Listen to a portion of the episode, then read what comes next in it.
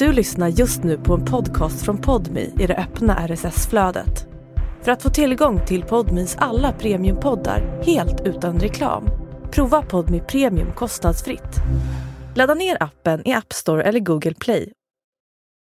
Välkomna tillbaka till Sanningen måste fram. Ah, är det lite fransman idag? Fransk. Ja, det är fransk. De måste fram. Vad måste fram? Sanningen. Ah, vilken sanning? Sanningen ligger i betraktens ögon. Mm, är det ögat som ska fram? Ja. Mm. Känner, Också lite kul om ni hade kört det där. hela tiden. Ja. Jag vill att du ska köra. Nej, alltså jag är så jävla... fransk. Alltså jag kan inte ens... Det, det är så jävla tråkigt att jag kan inte ens dialekter. Ja men du kan. Kan du inte försöka, men, men grejen är så här, du kan bara att du vill inte eh, göra det till åtlöje. Nej men alltså jag kan verkligen inte. Det är det som är så jävla sjukt. Det låter så bra i huvudet men när jag säger det så bara... Jaha, är det där ens någonting som existerar? Jag, jag säger tre dialekter nu då, så måste alla göra ett eh, försök på den. Mm. Då börjar Får man vi säga med... samma sak som du säger? Nej, du kommer få börja.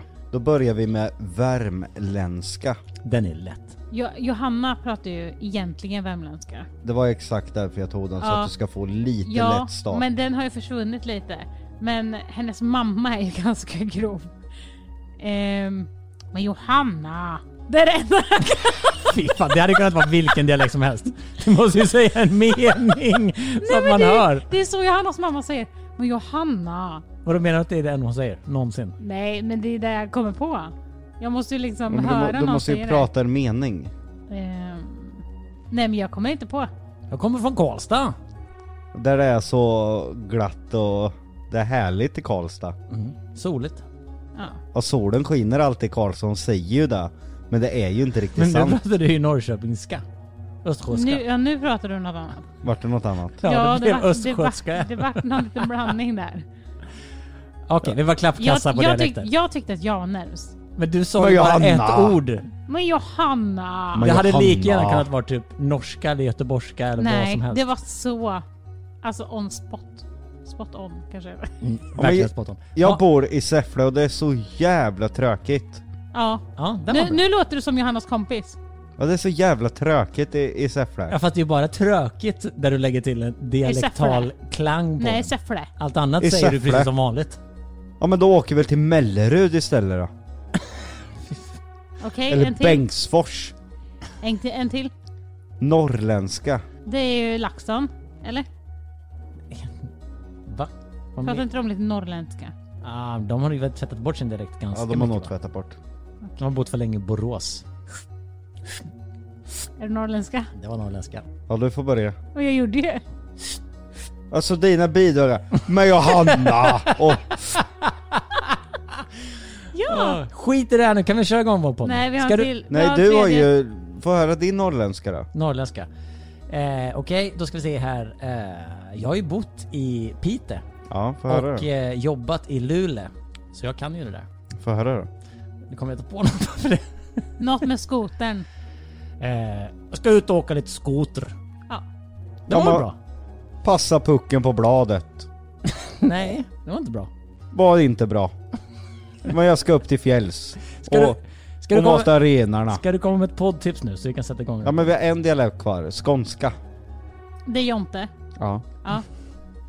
Eh, Jag tror det är hög igenkänningsfaktor nu ute i stugorna. Folk sitter och vrider sig lite för de tycker det är lite, lite obekvämt. ja. När de vet själva att bli satt liksom på pottan eller satt på plats sådär. Eh, gör det här nu. Det är som att säga till en komiker liksom, säg ett skämt nu! Nej men det, bara, sju- det "Ah, sjuka är att jag kommer asvårt." ihåg eh, när vi blev kompis med Jonte att det tog mig typ ett år innan jag fattade vad han sa. Så bred skånska har ju inte han. Kan du inte Nej, bara säga var- Malmö? Malmö. Ja, så Jonna är färdig. Det är så roligt att dina men tre bidrag är bara ett ord. Du har inte satt en enda Men Johanna! Malmö! Nej det var inte ens men Johanna, det var bara Nej, men Johanna! Malmö! Ja, skit i det. Men kör en poddtips nu så vi kan komma igång. Ja, jag, jag har ju fastnat eh, mycket för eh, poddar eh, där man faktiskt lär sig saker. Så jag snöade mig helt in på en podd som handlar om hur man gör bilbomber. Vad? Nej, jag bara, jag, det smällde lite när jag åkte hem förra veckan. Och undrar om det har någonting med ditt nya intresse att göra? Nej, Inget? absolut inte. Okej, för jag tyckte att det var lite misstänksamt för du, förra veckan när vi poddade så tog du en liten paus. Du sa att du skulle gå ut och ta en cigg och så var du borta lite för länge. Men det hade ingenting med det att göra, nej? Nej, eh, jag bara tyckte det var kul. Alltså inte för att jag själv gör bomber utan det, det kan vara ganska intressant faktiskt att höra från någon som Ja, man kan väl inte säga jobbar och med att det är ganska svårt att, att, att ha en skattad eh, vit inkomst på att göra bilbomber. Men det var ganska intressant att höra perspektivet från en man då. Det började väl egentligen med att han hade en kollega han störde sig jätte, jättemycket på. Vad jobbade, vad jobbade den här mannen med? Han spelade in någon slags eh, röst... Eh, Nej men Nej, man kan väl säga att han jobbade lite löst inom TV. Okej, ja. Eh, och så störde han sig jättemycket på sin kollega som, som kallades för eh, rovdjuret. Oj, l- låter lite likt någon som jag känner. Nej, det... Nej. Nej, nej. Sen slutade det med att han då började googla på internet och eh, testade sig fram tills han hade en riktigt lyckad bilbomb. Som han då planerar och eh, han, han har inte kommit så långt än men det var ganska intressant. Eh, I nästa avsnitt så kanske man till och med får höra ett skrik inifrån en bil och en explosion. Vi får se. Okej, kul. Eh, och podden heter då... Uh, att uh, kommer inte ens på något. A guy working with television sometimes uh, maybe gonna do a car bomb for his colleague. Yes. Bästa podden hittills. Men vet ni vad? Skit i det nu! Jocke, säg det med mig. För nu, nu kör vi våran podd!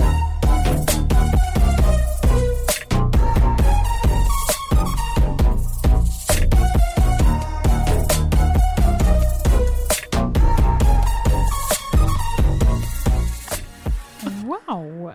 Så det var bjussig han var. Alltså hallå, nästan så jag fick rysningar. Det var så jävla obehagligt! Jag fick lite, lite stånd. Ja, jag fattar väl det.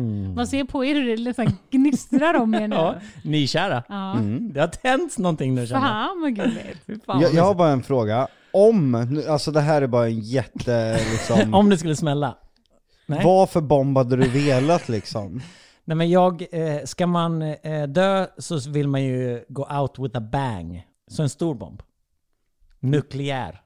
En nukleär? Ja. Oj. Då finns ju risk att det, det, det är betydligt mer än bara din bil som ryker. Ja men det gör jag inte, jag är ändå död. Jo men du kan tänka lite på din omgivning ändå bara för Hade att- det inte varit fett om det var liksom som en nyårsraket?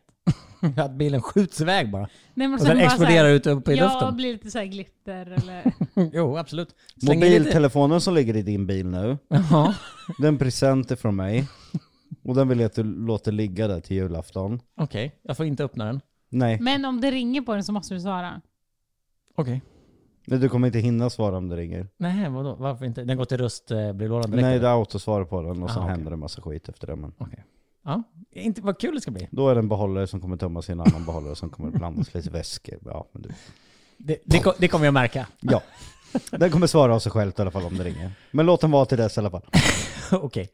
Vet ni vad kära vänner? Nej, snälla berätta. Vet ni vad vi ska göra den här veckan? Ja, vi sa det förra veckan.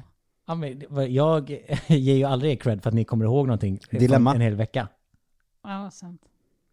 Bra Jocke. Dilemman. Och varför är vi då så jävla eh, eh, know-it-all och kan svara på dilemman? För att vi inte har några problem. För att jag har haft alla problem som existerar i mitt liv. Perfekt, då har vi en som aldrig har haft problem och lyckats undvika det då, i Jonna. Och så har vi en som har haft alla problem i hela världen, det vill säga Jocke. Ja men det är ju så, folk frågar så här, men hur kan du vara så framgångsrik? Ja för att jag har gjort alla jävla fel som går, så det vore jättekonstigt om jag inte var det med tanke på att jag har gjort alla misstag som går.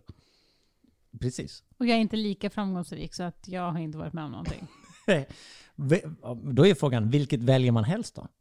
Ha ett oframgångsrikt liv, men det har ändå inte hänt massa skit. Eller ett liv där det har hänt hur mycket skit som helst, men man har ändå nått viss framgång. Ja men det är väl såklart man väljer det, men i alla lägen slutar det ju inte så. Det kan ju sluta med att ett misstag blev det sista misstaget också. Precis. Så när man blir kompis med någon eh, som råkar lägga en telefon i ens bil. Ja. Det var ett dåligt val, det var ett misstag. Ödesdigert misstag så för Ja. sådär fyra år sedan. Skulle man inte gjort. Var det en hint? Lås bilen Jonas. Ja men fan. Han vill ju ha mina bilnycklar hela tiden. Okej, men så här är det då. Vi har ju fått in jättemycket dilemman. Och det är ju liksom eh, allt från, ja, men, eh, givetvis jätteallvarliga grejer. Mm. Eh, eh, om folk som mår dåligt på riktigt. Mm. Så vi kan ju unna oss att bli lite seriösa. Mm. Och så sen super eh, oseriöst. Ja, ska vi börja? Ja, kör på. Okej, vi börjar med en lite halvsvår då. Hur bryter man kontakt med en narcissistisk familjemedlem? Den kan jag faktiskt svara på utav... Utan egen erfarenhet. Ja, det kommer vara som slam, är det så här Slumdog Millionaire, där det bara är så här, alla frågor som ställs i det här frågesportsprogrammet, alltså det är en film, eh, har huvudkaraktären varit med om själv. Så alla frågor vi kommer ställa idag har ju Jocke, kommer ju vara självupplevt. Men det kommer ju typ vara så. Alltså han har ju, men nästan på riktigt, vi brukar skämta ibland om att han, allt han har varit med om, det är liksom inte ens saker man är med om i så här, tio livstider liksom. Nej, knappt hundra faktiskt. Alltså det, vi pratade om det här om dagen. Ja, hon sa precis det. Sa du det? Något sånt. Hon sa det. Vi pratade om det här häromdagen. Jocke har varit med om saker så här. Ja. Bara, nej, nej. Vi pratade om det här häromdagen. Ja. Sa du det på riktigt? Ja men jag sa Ja. typ, vi, vi brukar skämta om det här. Nej, vi, ja precis, vi brukar skämta om. Hon sa fan inte att vi pratade om det här om dagen för nu blir jag fan rädd för mig själv. Anna. Okej, eh, Elias heter vår klippare. Om Jonna sa det, spola tillbaka och kör det igen. Och Ja, så vi ser gör- vi vem som har rätt. Alltså han har ju, men nästan på riktigt, vi brukar skämta ibland om att han, allt han har varit med om, det är liksom inte ens saker man är med om i så här, tio livstider liksom. Jocke, hur bryter man med en narcissistisk familjemedlem? Man måste inse att makten i förändring inte ligger hos en själv. Man blir väldigt mycket att man vill hjälpa människan, hoppas att den blir bättre. Men förändring kommer från en själv. Det bästa är att, att bryta, för annars blir det destruktivt och man mår dåligt. Alltså, jag, jag har insett att jag aldrig kanske kan förändra min mamma. Utan om hon hör av sig en dag, absolut. Men, men till dess så är det bästa jag kan göra för att mitt liv ska vara egentligen så smidigt och, bra som möjligt att, att ha en kontakt som inte är en kontakt. Alltså du har väl märkt på mig när jag inte haft kontakt med min mamma mot när jag har haft kontakt med min mamma. Ja, vi har, vi har ju testat några gånger att ha kontakt. Nu var det ju väldigt länge sedan, men vi har ju faktiskt testat. Och då är det liksom som att du har, du mår nästan sämre av att ha kontakt än att inte ha det. Och du, tänk, du blir liksom väldigt, men tänk er sen när man tar en fylla. Då kanske det känns bra just under tiden du dricker och liksom har fan fest liksom. Men sen efter så mår du ju skit. Och lite så blir det. Så att han blir liksom helt dränerad och han blir, ja, men mår dåligt, det är mycket så här negativitet och mycket ångest och liksom sånt där efteråt som, alltså i flera, flera dagar, ibland veckor liksom. Narcissism är ju en personlighetsstörning, alltså det är ju någonting som förmodligen är livslångt. Alltså jag, jag vet ingen med narcissistisk personlighetsstörning då som har insett att de har det själva och därmed liksom försökt förändra sig. Utan den slående bilden av någon som lider utav det är ju en ytterst förvrängd verklighetsbild. Dennes verklighet stämmer inte överens med de människorna runt omkring. Och ofta så, så ljuger dessa människor extremt mycket. Jag vet, in, jag vet faktiskt inte ens om de vet att de ljuger. Jag tror faktiskt att de tror själva på det. De människorna gör aldrig fel. Det finns, alltså det som jag skämtade om innan, att men, du, ni skulle få lite tid att reflektera och ransaka. Det finns inte hos de människorna. Så det blir väldigt svårt att nå en sån människa. Jag kan inte nå min mamma, vi kan sätta oss ner och prata. Och även fast jag vet att hon är föräldern, så kan jag sitta där, ja men jag kunde ha gjort det här bättre. Hon kommer aldrig säga det. Trots att det är hon som är mamman och jag var sex år gammal. Det skulle inte spela någon roll om jag rannsakar mig själv som sexåring och bara Ja, jag kanske inte borde ha skrikit så mycket. Ja, jag kanske borde ha varit lugnare som sexåring. Jag kanske borde ha lyssnat mer på dig mamma. Så hade hon förmodligen sagt, ja det borde du faktiskt. Det var väldigt jobbigt för mig att ha dig som barn. Istället för att ta ansvaret som mamma. Det, det spelar ingen roll. Så det är bättre släpp det där. Alltså det kommer inte att hjälpa. Det är som att prata med en vägg. Men känner du att du vill ha kontakt med din mamma för din skull? Eller känner du mest för att barnen ska ha en farmor? Det är väl mest för att barnen ska ha en farmor, för att jag tror aldrig att vi kommer ha en, eh, liksom, jag tror att det är en väldigt fruktlös dialog om vi skulle inleda det. Jag tror inte att hon än idag eh, kan inse att eh, det som hände när jag var liten kanske var hennes ansvar som mamma.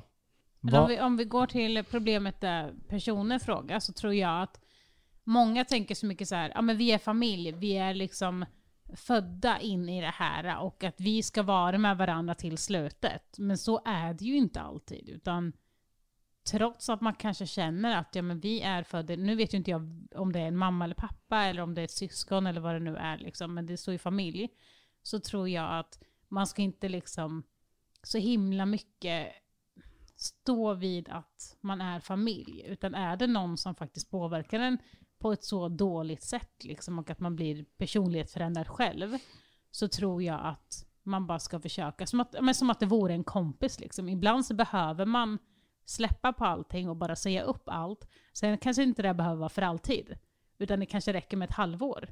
Alltså det är liksom...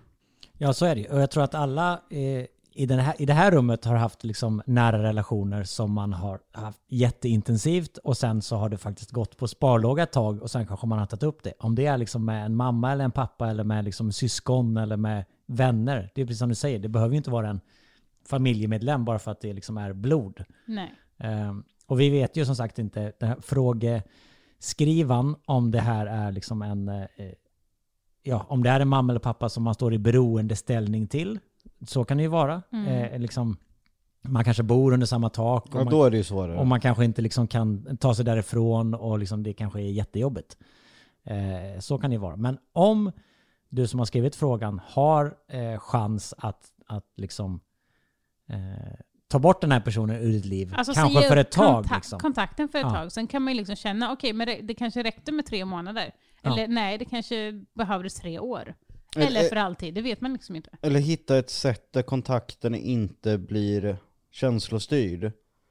Man kan hitta vissa sätt att förhålla sig till en sån här person i och med att man vet hur, hur personen fungerar så man kan hålla personen ganska lös.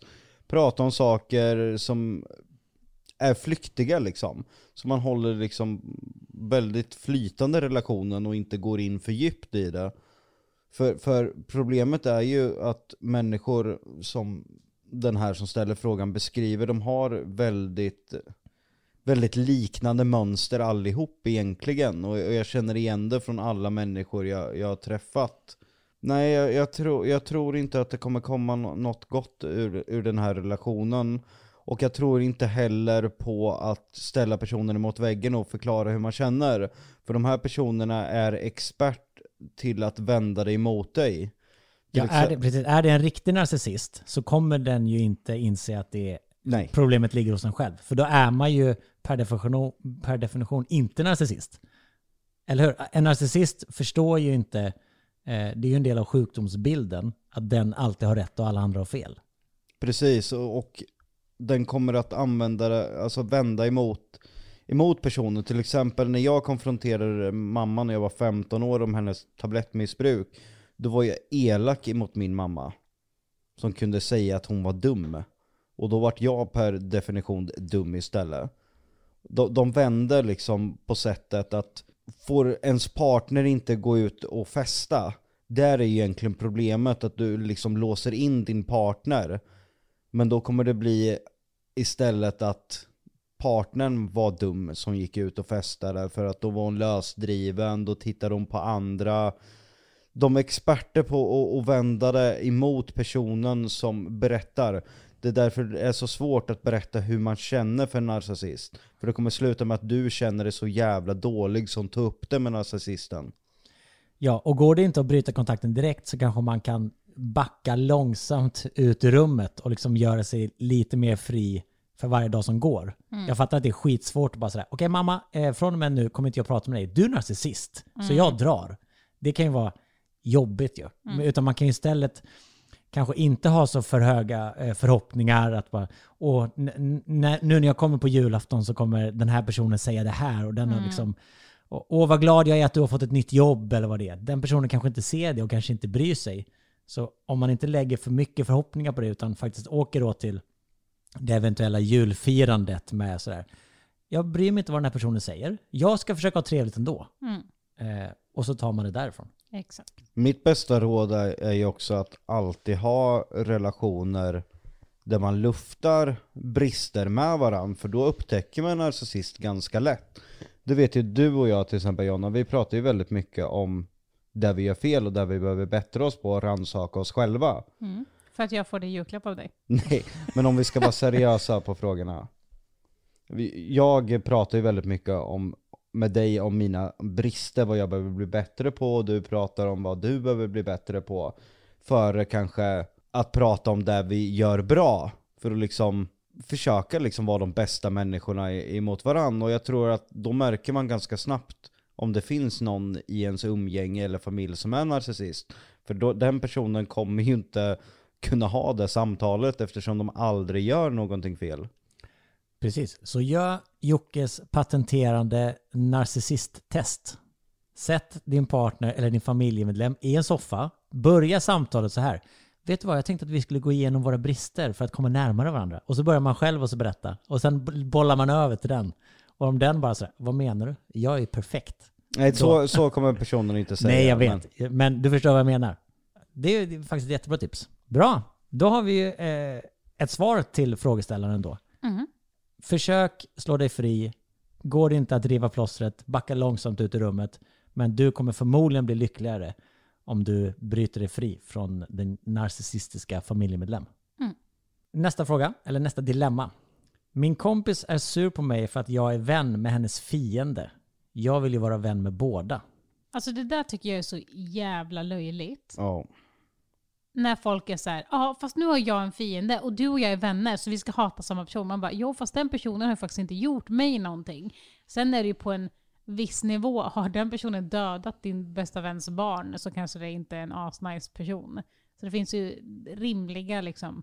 Men är det så att den är skyldig den pengar eller någonting så är det så här, Nej men det är ju såklart eh, jättesvårt och det finns ju grader i helvetet. ja. Jag menar om vi har en gemensam kompis, nu, eh, säg eh, Rasmus till exempel.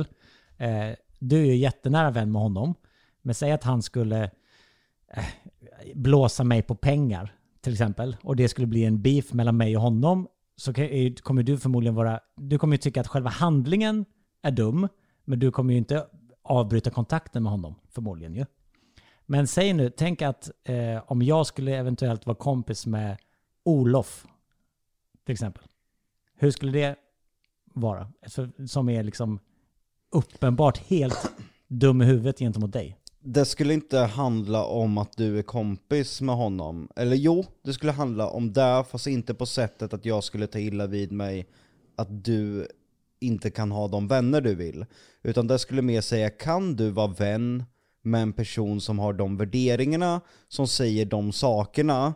Det säger ganska mycket om dig som person. Och då hade jag omvärderat att, är Jonas någon jag vill Som du vill vara vän med Ja. om du har de värderingarna. Då handlar det mer om att vi helt plötsligt står längre ifrån varandra. Inte att du gör valet att vara kompis med någon jag inte tycker om. Utan att eh, den här personen i fråga har så sjukt störda värderingar som är så åt helvete långt ifrån mina egna. Att någonting måste finnas hos dig för att du ska kunna vara kompis med den personen. Jag tycker att det finns en gräns när ens egna, så, så här, ja men fan, fan, jag är ju bara kompis med honom, alltså han är schysst mot mig men han har suttit inne för mord.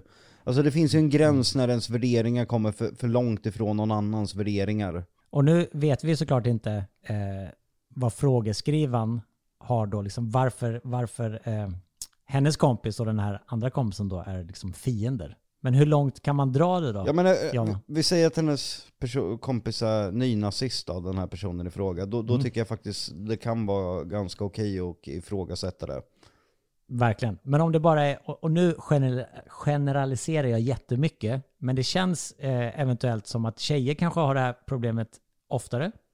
Jag, jag tror alltså av erfarenhet också att eh, tjejer passar nog bäst två och två ish typ. För att det blir mer drama. Och det märker man på förskolan och liksom allt sånt där också. Att det blir liksom mer intriger och mycket så här. Eh, jag tror att vi, vi tjejer fastnar för en person väldigt, väldigt mycket. Och då blir det lite så här, ja men det är ju du och jag. Man blir lite hagalen. Ja men exakt, det blir lite så. Medan killar bara så här, ja men fan vi kan vara fem pers och vi alla är bara så jävla bra polare liksom. Att det inte finns riktigt någon favorit så, på samma sätt som det blir hos tjejer. Ja men det känns som, och, och nu pratar man ju bara om av egna erfarenheter. Jag har ju olika kompisgäng som jag Mm. gör olika saker med. Mm. Alltså, så, ja, men, när man var yngre. Vissa spelar man fotboll med, vissa spelar man innebandy med, vissa spelar man tv-spel med. Mm. Eh, men man kanske inte hade... Tjejer känns som att om, om jag har en bästa kompis så gör jag allt med den personen. Mm. Ja men lite så är det. Och så är det ju typ så här, alltså jag umgås ju mest med, med killar egentligen så, för att vi har mest killar runt omkring oss. Sen har vi några tjejer. Och sen är det ju typ så här, ja men eh, din fru Jonas, alltså att det kommer in tjejer som är liksom killarnas fruar så. Eh, och man märker ganska tydligt också hur det är i ungdomarna. Alltså när man är ungdom liksom och tonåring, hur det är och sen när man kommer upp i vuxenlivet. För jag har verkligen inte svårt att kapa band i, i vuxen ålder. Då är det bara så här, men vet du vad? Okej, men då behöver du och jag kanske inte vara vänner. Alltså jag har verkligen inget problem med, med just det. För att jag känner inte att jag, jag behöver inte de här dramagrejerna i mitt liv. Jag behöver liksom inte det. Medan när man var tonåring, då var det det värsta som kunde hända liksom. Mm. För då, var, då, är, då är kompisar en så stor del av ens identitet. Ja, När man är vuxen så står man ju förhoppningsvis grundad i sig själv. Och är det så här, ja, om inte Jonna vill vara kompis med mig för att jag är kompis med Jocke, ja, då är det väl hennes förlust då. Ja, men exakt precis. Jag tror nog mer att den personen som påpekar det, att det är liksom den som då ska bara så här. ja men vill du inte vara med mig, nej men då är du inte vän med mig. Alltså, Så tipset till frågeskrivan är ju då egentligen att Ja, vad det gäller Va- för ja, det första. och val, Ja. ja. men precis, men precis. och valet Ä- kanske inte ligger hos henne utan hos personen som inte, eller som säger liksom att varför hänger du med den när jag, ja. Ja, så det man skulle göra då, eller det jag skulle göra är att liksom ha ett samtal med den personen som ställer det ultimatumet egentligen. Och så bara, fast den här tjejen har ju inte gjort mig någonting, jag vill jättegärna vara kompis med båda och vi behöver ju inte hänga tillsammans alla tre. Men om jag gillar att gå och fiska med henne och jag gillar att gå på disco med dig så vill Ja. jag gärna fortsätta det. Om det inte är då, som Jocke påpekar om att den ena är nynazist. För då fattar man ju att om ens värderingar står så långt ifrån, då, då är det ju kanske inte så lätt att vara kompisar överhuvudtaget. Det är en komplex fråga så det beror ju helt på vad det gäller, vad anledningen är. Men är det bara att någon har snott någon tröja av någon eller något så här Ja, eller någon snackar så? Want flexibility? Take yoga. Want flexibility with your health insurance? Check out United Healthcare Insurance Plans. Underwritten by Golden Rule Insurance Company, they offer flexible, budget friendly medical, dental, and vision coverage that may be right for you. More at uh1.com. Skit eller... Ja, och där också, så den här personen då som har ställt frågan, så länge hon eller han, det jag antar att det är en hon, står det att det är en hon? Det är en hon. Ja. Så, så länge hon håller deras hemligheter, alltså hå- håller dem för sig själv, såklart. Verkligen. Alltså att det liksom inte snackas emellan, för då är ju då är hon en dusch. Alltså att det liksom... Ja.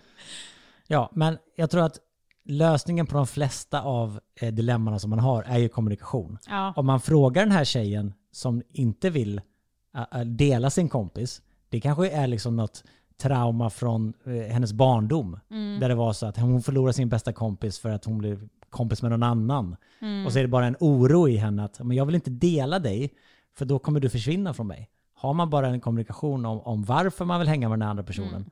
så eh, löser det sig förhoppningsvis. Ja. Håller med. Okej, jag är 19 år och har fått ett erbjudande att bli delägare på mitt jobb. Ska man satsa? Och här är det såklart jättesvårt att veta, liksom så här, ja, vad betyder det? Betyder det att personen måste gå in med pengar? Eller betyder det att, liksom, eh, ja, vi vet ju inte vad det betyder. Men jag tycker att frågan är ganska intressant. Att liksom, hon, den här de, personen de är måste ganska ju gå in med någonting för enligt svensk lag så får du inte ge bort andelar i, i ett aktiebolag. Alltså du får inte ge bort gratis till någon. Ja, så då har det väl förmodligen med lite pengar att göra då. Men huvudfrågan är ju så här, eh, ska jag satsa? Ja, men hur, alltså, hur, vad- ser, hur, ser bokför, hur ser bokföringen ut? Vad är vinstmarginalen? Alltså hur... Men det vet Ja, jag men- inte. Men, Nej, det, då är det ju omöjligt att säga. ja, men jag tycker kärnfrågan så här, ska man satsa? Uppenbarligen så är det väl någonting hon, hon vill då. Alltså jag tänker så här. tror du på det, kör! Alltså, Precis, och det det handlar väl om att liksom vinna eller förlora och ha, går du hela tiden med att du 100% vet att du kommer vinna så kommer du ju bara, alltså, ibland måste man ju kunna våga satsa även fast man inte liksom vet. Men tror du 100% på det, kör! Precis, och det kan jag tänka mig att ni, men kanske speciellt du Jocke, har stått vid ganska många sådana här vägval i livet. Alltså bara, jag skulle kunna skita i det här, men jag kommer göra det här och satsa. Men det kommer betyda att jag måste göra avkall på det här, eller det kommer betyda den här investeringen. Har du några sådana vägval där du verkligen har stått och bara, ska jag satsa eller inte? Ja, verkligen. Det jag har lärt mig är att är det en bransch som den här personen verkligen trivs, har kunskap och brinner för, absolut satsa. För då kommer du till och med kunna göra nytta för eh, företaget, det gemensamma då om ni eh, går ihop där. Och då kanske det inte spelar så roll om bolaget ligger lite illa till, kanske inte har så stor minstmarginal, för då kan din kunskap och ditt driv kanske till och med lyfta det här. Men det är någonting du känner, jo men det är väl kul men det kanske inte är det jag vill göra, då, då ska du verkligen skippa det. För att jag har hoppat in i så många investeringar och, och företagsidéer som inte är det jag brinner för och det slutar bara på ett sätt. Att då, då rör det sig inte på sig för att man väljer, man är alltid där, där, där man brinner för. Alltså det, det är där det slutar och jag har ju verkligen renodlat mina verksamheter nu till Jocke och Jonna AB och sen det nya bolaget Black Moon Film. Så det är bara där jag kommer jobba för det är där jag trivs med att jobba. Och på Gubbla. Och på Gubbla. Jonna, har du stått vid några sådana vägval i livet? Där du bara, ska jag satsa eller ska jag inte satsa? Nej, för att jag är så jävla feg. Men finns det något ställe då där du önskar att du hade satsat? Jag vet inte. Men alltså, jag är så jävla feg för att jag, jag vet inte. Det bara känns som att jag tvekar på så jävla mycket. Alltså jag, skulle, jag har ju inte lagt in någonting i aktier till exempel. För att Nej. jag är för feg för det. Nej, men jag tänker, det behöver inte alltid handla om pengar. Det kan vara så här, flytta till en ny stad. Eller Men det nej, kan ju alltså vara aldrig. hoppa på nej, ett nej, nej, nej. nytt jobb. Eller jag har ju uppenbarligen flyttat till Norrköping, jag är inte härifrån. Men det skulle jag aldrig göra om inte min mamma hade flyttat dit. Så att Nej. det är ju liksom, nej, alltså sånt där är jag alldeles för feg för. Du vågade satsa på den här mannen. Ja, det gjorde jag. Det var ju ett vägval. Det hade du kunnat skita i. Nej då, var Ja. du, då var du fortfarande ung och dum. Innan hon hade konsekvenstänk. det var innan jag hade Precis, det var innan konsekvenstänket kom. Nej men det är ju alltså, det är ju läskigt med sådana grejer. Men jag tycker att det är fett coolt ändå. Ja, Och det, jag menar så här, som Jocke säger också, det är någonting, brinner man för skiten, ja men vad fan, kör! Alltså 100%. Så vårt samlade råd är, om det är någonting som du brinner för och då inte en uppenbar scam så att du blir blåst, så satsa. Ja, alltså inte om du bara fått något jävla mail så här, tja vill du vara delägare? Sen bara, ja men vad gör ni då? Ja men vi gör det här. Sen bara, ja men jag vet knappt ens vad det där är, men delägare, ja men det verkar låter fett, fett. coolt. Det är, så här, det är ett företag som hör av sig bara, skulle du vilja stå som vd och skriva på alla papper? Ja, exakt. Då Ja, är det så här, men, det är också tillägga att läs på om företag innan. För Ja. att när du bedriver ett företag så är det din skyldighet att kunna Ja hur du driver ett företag. läs på och läs konsekvenser och liksom fördelar och allt sånt där och nackdelar och liksom allt sånt där. Och se till att du har insyn i allting. För att sitter du i en styrelse och liksom, vi säger att de delar 50-50 på det här bolaget. Och du säger, ja men jag, jag sköt, behöver inte sköta någonting med ekonomin eller fakturer. Du kommer bli drabbad om den andra personen blufffakturerar eller vad som helst så eh, har du ansvar enligt svensk lag. Så se till att ha en översyn över hela verksamheten och skapa kunskap om det. Det är jätteviktigt. Och en viktig grej tycker jag är att det är inte alltid bra att skapa ett företag tillsammans med sin bästa kompis. Nej. Nej. För det kan ju bli jättejobbigt. Eller med sin partner för den delen. Eller, ni har ju eh, eh, företag tillsammans. Mm. Känner ni att ibland att det är jobbigt? Eller känner ni att det funkar? Alltså bo- båda två. Alltså det skulle bli så jävla problematiskt om vi skulle skilja oss. Det är Ja. inte så att vi bara, ja men vi har barn ihop, ja men det blir lite problematiskt. Utan det är liksom allt. Vi har barn ihop, vi har liksom massa saker ihop och bolag och allting så här, så det skulle vara sjukt. Men också att det kanske, just för att det har varit, eller för att det är så komplicerat så kanske det har hållit ihop oss lite längre också. Just för att det är så jävla svårt att liksom skilja sig så. Så det kanske har gjort att vi bara så här, Ja, ja, vi, men det är ork, inte värt vi orkar, ja, men vi orkar lite till. Ja, men, vi, vi, vi kör lite. Ja. Nej, men ibland kan det ju vara det. Så bara, tröskeln är lite för hög. Ja, det är inte riktigt Det är värt inte det. riktigt värt det. Ja. Men, men, men även om vi skulle skilja oss till exempel, min, min nysatsning med filmbolaget, jag går ju inte in, jag hade kunnat lägga det som att jag äger genom Joakim Lundell Invest, det vill säga mitt eget bolag där jag äger 100% i. Men jag har lagt eh, andelarna till Jocke och John AB som äger istället för att jag känner att vi, är, vi har gjort en så lång resa tillsammans att jag vill att eh, det bolaget som ändå är bebisen ändå ska vara- vara det bolaget som har ägare så att Jonna och Daniel i den frågan kan ta vid vid utdelningar och kanske ta löner och sånt även om Jocke och Jonna AB inte skulle gå så bra så har det andelar i ett annat bolag som förhoppningsvis kommer gå jätte, jätte, jättebra. Så när den där skjuter i höjden, då kliver jag över tröskeln och skiljer mig. Då kliver det över. då tar du pengarna, du tar Picasson och du drar. Mm, exakt. Snyggt. Okej, nästa dilemma. Ska jag välja ett gymnasium som jag vill gå på eller ska jag välja ett gymnasium mina kompisar ska gå på? Den är ganska lätt Åh. egentligen om man bara tänker. Men eh, jag fattar att det är svårt i den åldern. Uff, Alltså, alltså, jag vill typ inte ens svara på gymnasiefrågor. Alltså, det är väldigt viktigt kanske. panik.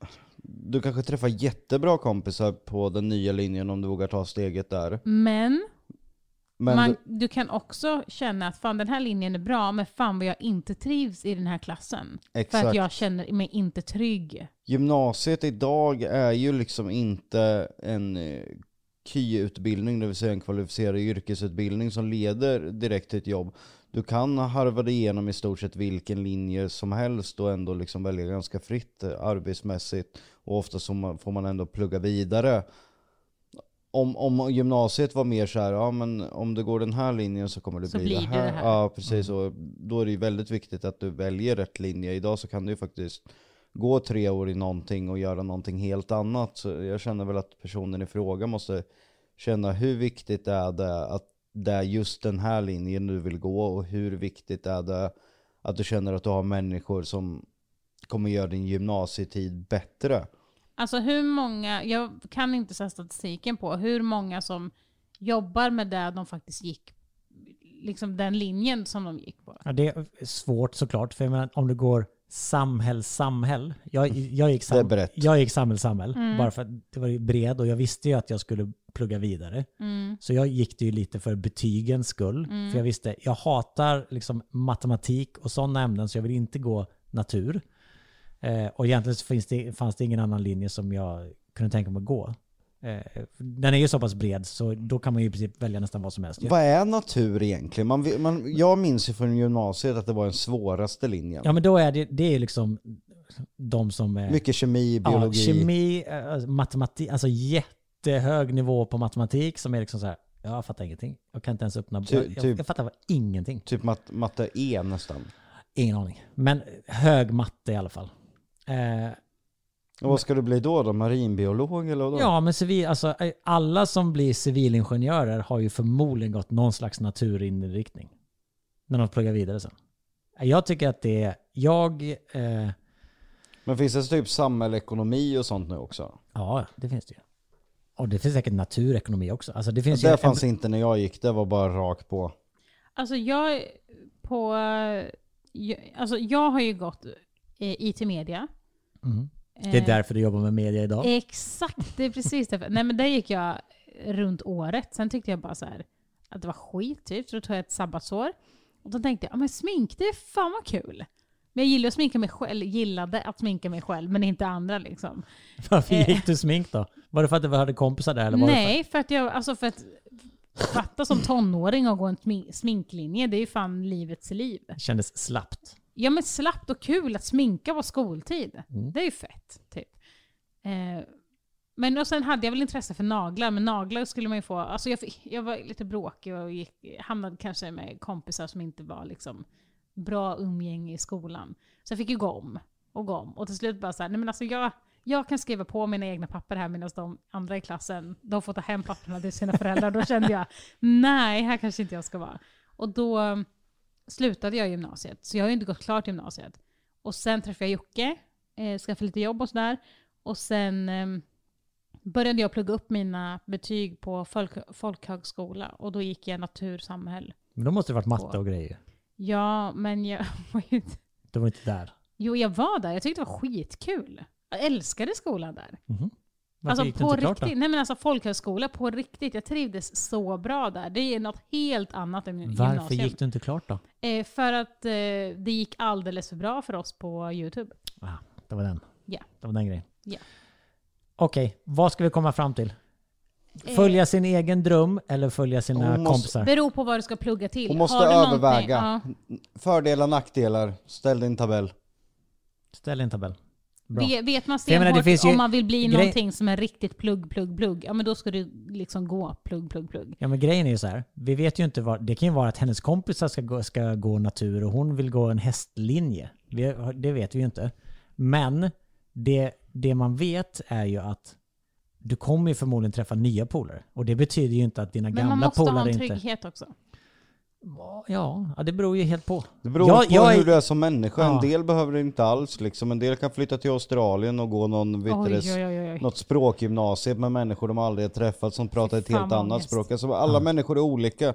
Det beror på, alltså den här personen liksom, den linje hennes kompisar ska gå, är det någonting du känner att du klarar av? Men långt- uppenbarligen om det ens är ett problem, ett dilemma för, för personen, I om hon ska välja, sant. då är det ju uppenbarligen Ja. vänner hon behöver. Ja. Alltså, då det, det hade ju inte varit något dilemma annars. Nej. Nej, jag flyttade... Eh, när jag började plugga eh, efter gymnasial utbildning så pluggade jag ju i... Jag flyttade ju till Piteå helt själv.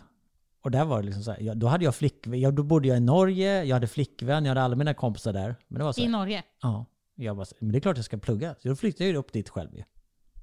Det var liksom, det var ju inget konstigt alls. Så jag Men har, vissa är ju sådär. Ja, eh, precis. Så jag tycker ju så här, ja det är klart du ska följa dina drömmar. Mm. För jag menar, sanningen att säga då, nu när man är vuxen, Mm. eller jag menar inte att hon inte är vuxen, men jag, just idag så hänger jag ju inte med jättemånga kompisar från gymnasiet. Okej, ju vi, vi säger så här då. Din son är ju väldigt, väldigt känslostyrd. Mm. Ja, han hade ju inte klarat av att göra det.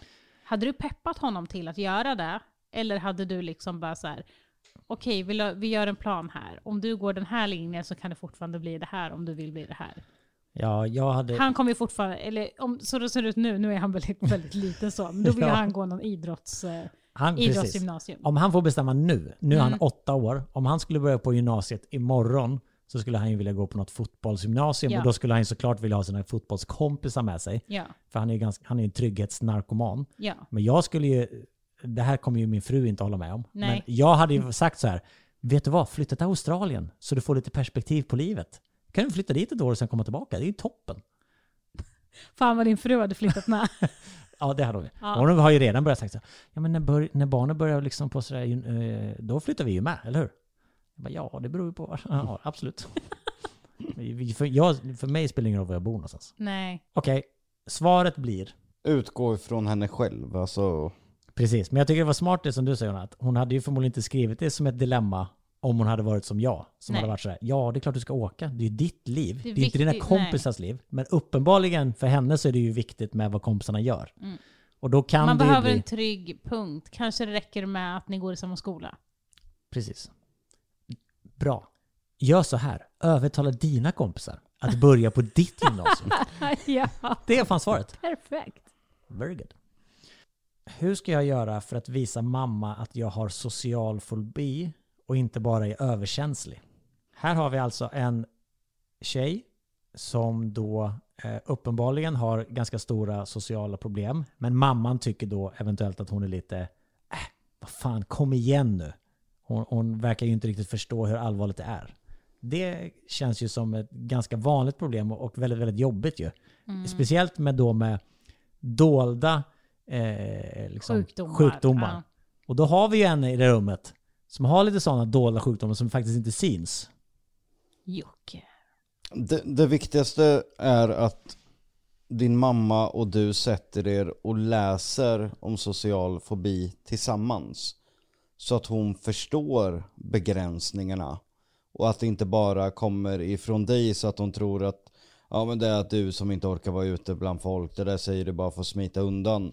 Utan jag tror det är viktigt att ni delar informationen. Jag, jag har alltid länkat till Jonna när det handlar liksom om Asperger och sån, sådana saker, eller ADD, så att hon får läsa om det och sätta sig in i det.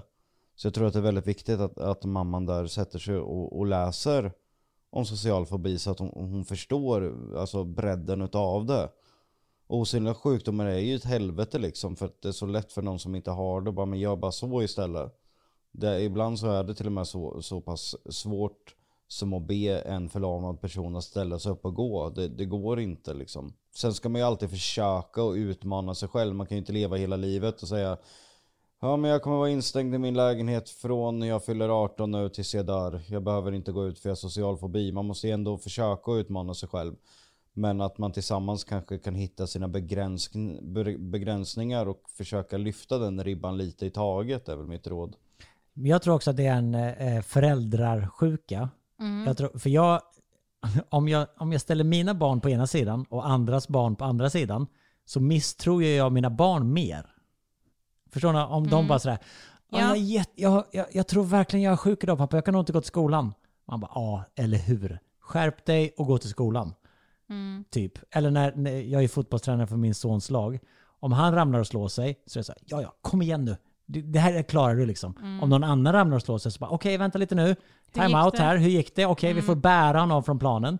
Är det för att man typ vill göra sina barn lite så här coacha dem till att bli starkare i brist på ett annat ord? Eller känner ni igen er i de tankarna?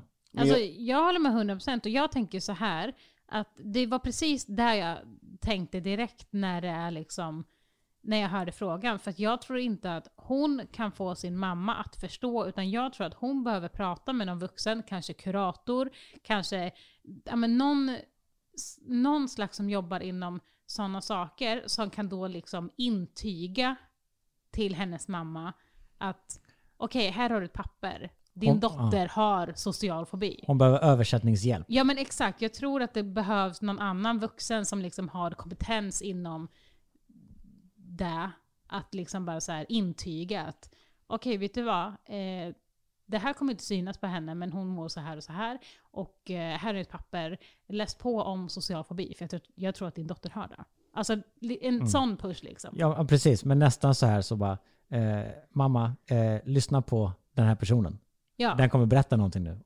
Alltså bara så att man får den här, för då, Ja. för då För blir det då ju sådär tror bara, jag att jaha, mamman kommer shit. bara, men gud.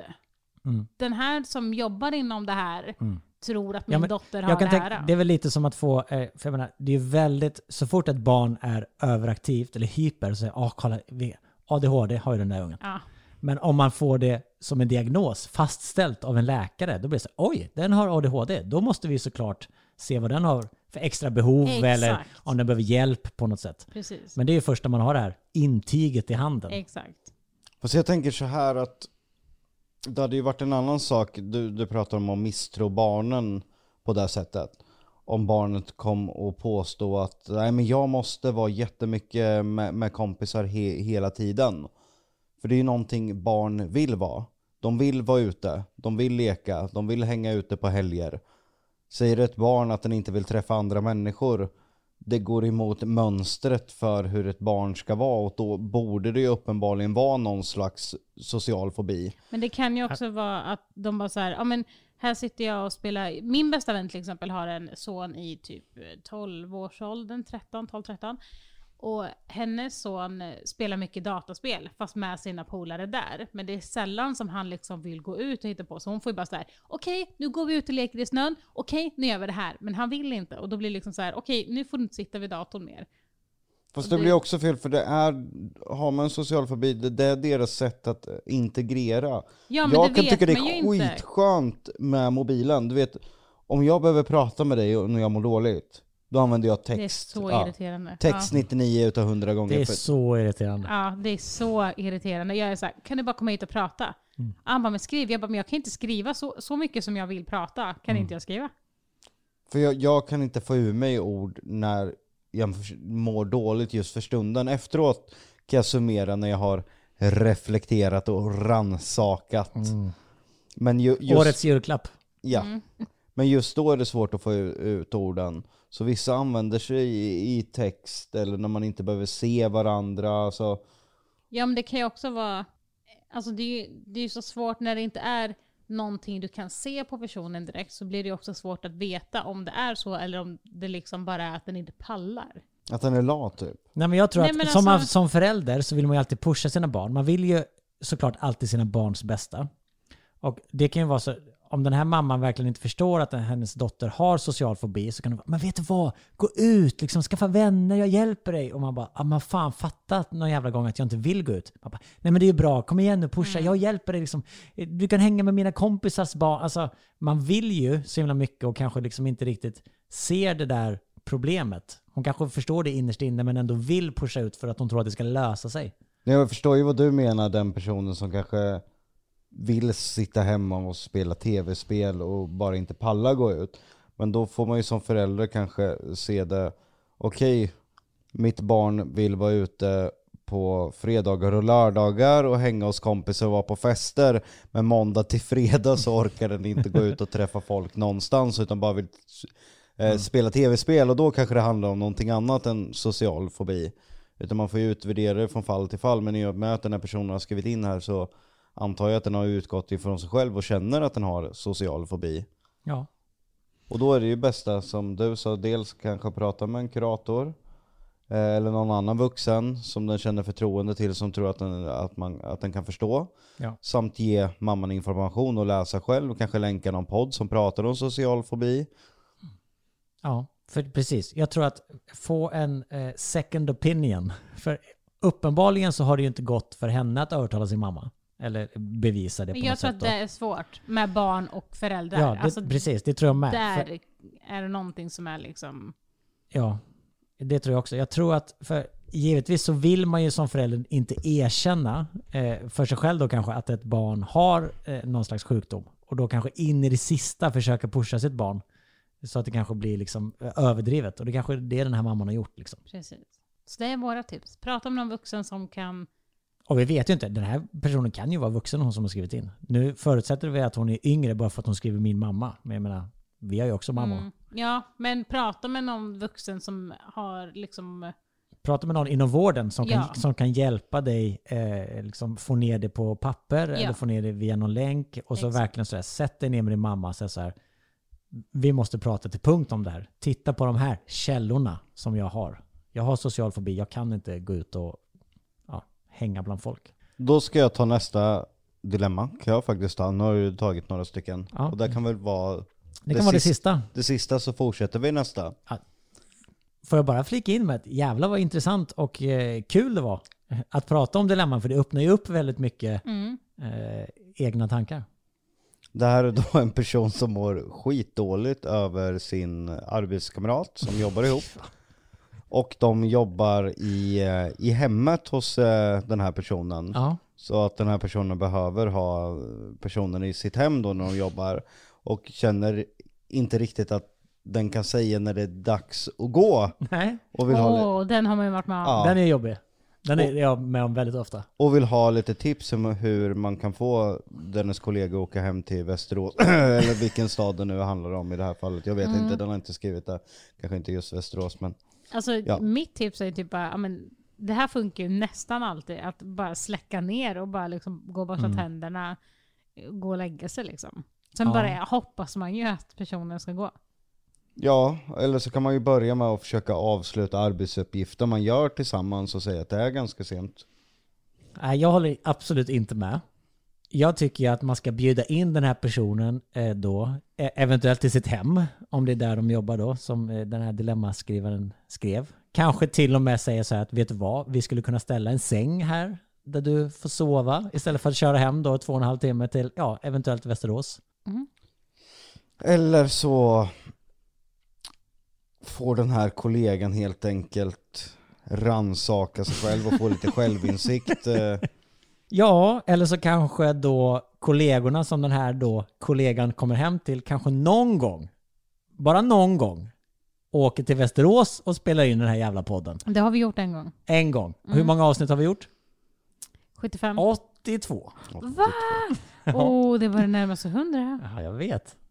Ja, men okej, så eh, svaret till den här dilemmaskrivaren är bjud in mer.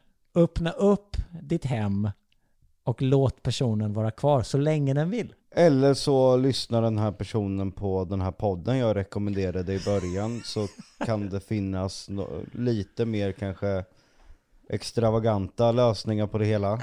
Du ska döda av honom helt enkelt.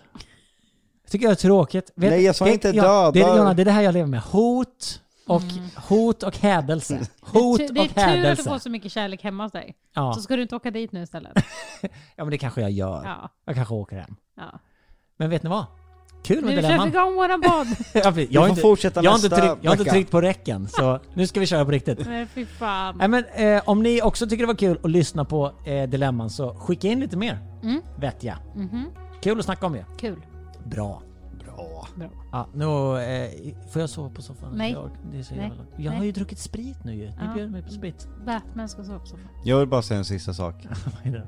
Kör försiktigt hem. Boom!